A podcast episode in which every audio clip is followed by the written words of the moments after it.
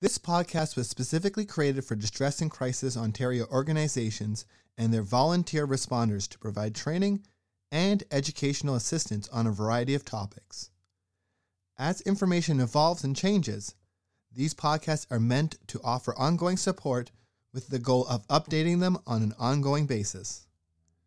We thank the volunteer responders and the contributors to this podcast. Please visit our website, dcontario.org, for more information and how to access free mental health services. Thank you.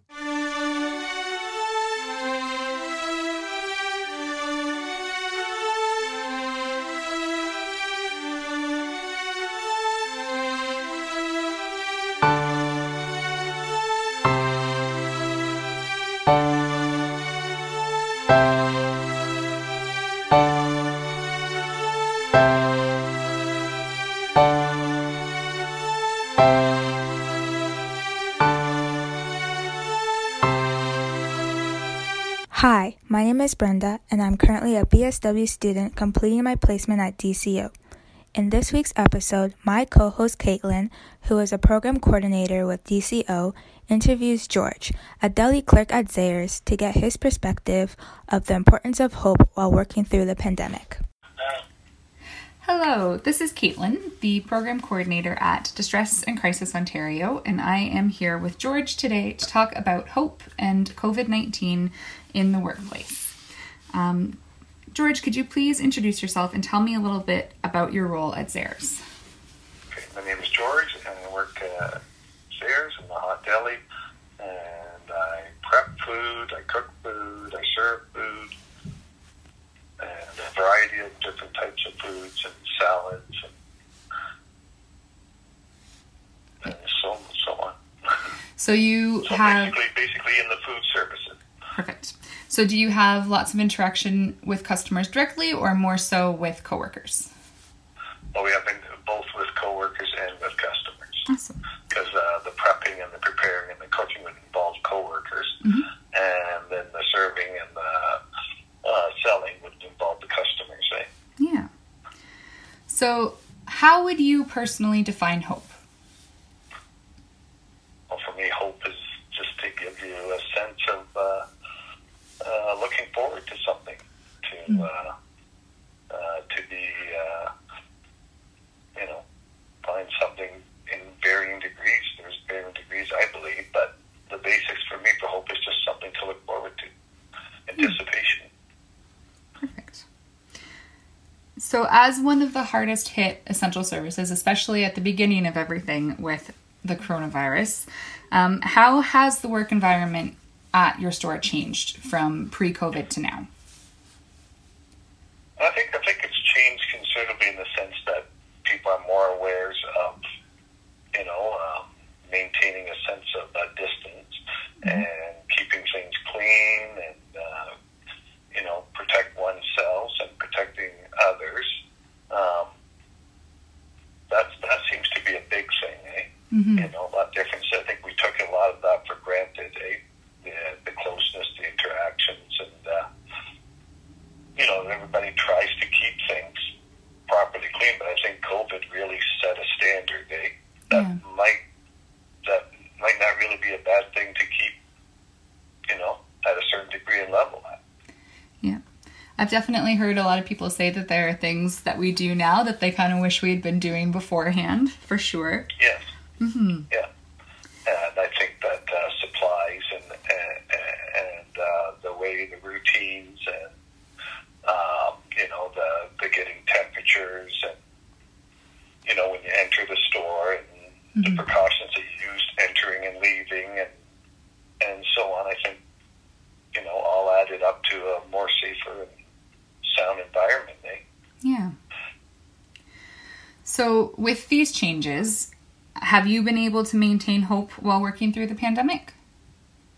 Well, for sure. I think uh, I think you, you look at the way people have adapted.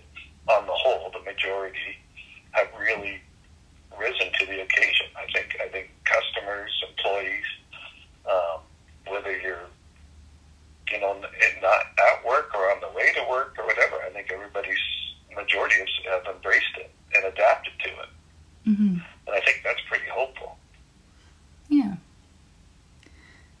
as a, as a society, I think that that really is pretty hopeful because it shows that people are, you know, taking responsibility are thinking of other people as well. Yeah, that's very, very true. So, in your interactions with coworkers and with customers, are there ways in which you personally are able to instill hope in others? If maybe you see that one of your coworkers is struggling with the restrictions, or it looks like a customer is maybe just seems like they're having a bad day. Is there anything that you kind of try to do to help give them a little bit of a pick me up? I think one of the things that you try to maintain a sense of normalcy. You try to keep things, even though there is a situation going on, and and you know there's restrictions and there's distance. I, I think it's good just to try to keep be be oneself, be yourself, mm-hmm. the way you interact with people and treat people and and that. And I think to maintain that through something like this is all that more important. I mean, don't need to to fake it or or undermine what it is, but still, you know, you got to get up in the morning. You got to still live. You got to work. You got to keep going, eh? Mm-hmm. You got to still be hopeful that things will go back to normal, well, or as close to normal as possible. Yeah, yeah. Yeah. Like for me, I don't think this is ever, ever going away. I think it's going to be like the flu or anything else. But like mm-hmm. I say, I think people have adapted, and I think they will adapt. Yeah.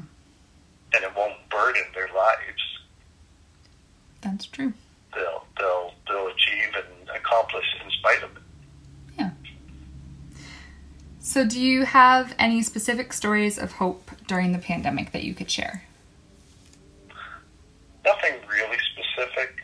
I think, like I say, just in general, the day in, day out, and just seeing how people interact and react. And, and like I say, for me, you know, you've seen some negative things, but on the whole, I think it's been very positive. Mm-hmm. So for me, that's, I, I can't give a specific story. It's just a generalization. Yeah. I, kind of think that in my interactions with people out and about too, because of having to wear masks, I've noticed a lot more that people are saying kind things out loud. There's not so much just a smile and a nod anymore. It's people are actively engaging. And I think that that shows a lot too that we're kind of learning how to make those connections even with the added barriers and distance. Well, I think if anything, if you were going to say one thing about this, I think people have come to appreciate their fellow human beings mm-hmm. because of the lack of interaction, or the or if the interaction is there, it's distant. It's not, you know, that sort of stuff. There's been a lot of stuff I think we've taken for granted over the years that yes. have sort of hit home. Definitely. Well, is there anything else that you would like to add that we've not touched on?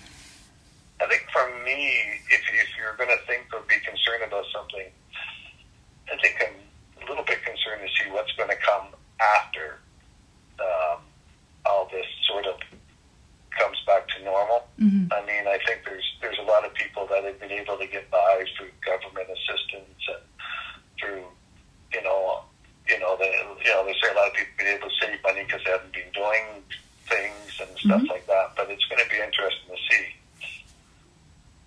you know, what's going to happen because I think there are some people that right now are staying afloat, but I just worry the other side could have some real bad ramifications that I don't think anybody's really, really faced yet. Yeah, that's a very good point. You know? Yeah.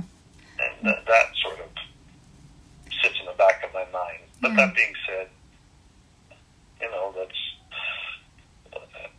you know, you just have to hope that it's mm. not as severe as your own mind might think it might be.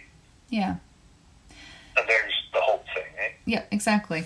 I think I was yeah. trying to think of a way to respond to that without using the word hope, and I couldn't come up with one. So I guess that's yeah. pretty appropriate for what we're talking about. Yeah. Yeah. So. Well, thank you so much for um, sharing your time and uh, answering these questions for me. I really appreciate it. No problem. Well, good luck. Thank you. All right. Hi, I'm Damien, one of the editors of the DCO Learning Forums podcast. Over the past year, we've been busy converting our Learning Forum series of videos into podcasts and thinking of new ways to continue delivering new and more in depth content. We've seen the demand, and we're announcing our move to Pinecast and our new tip jar function. Please consider going to tips.pinecast.com slash jar slash distress and crisis Ontario and donating and in return, we'll be recording new follow up episodes on some of our most popular topics. These will be accessible for tippers only and will help pay for travel, web hosting, etc. For the interim, you'll still be able to access existing content on both on both the Pinecast and Fireside feeds for free, but eventually we'll be making the switch to Pinecast. Thank you for your understanding.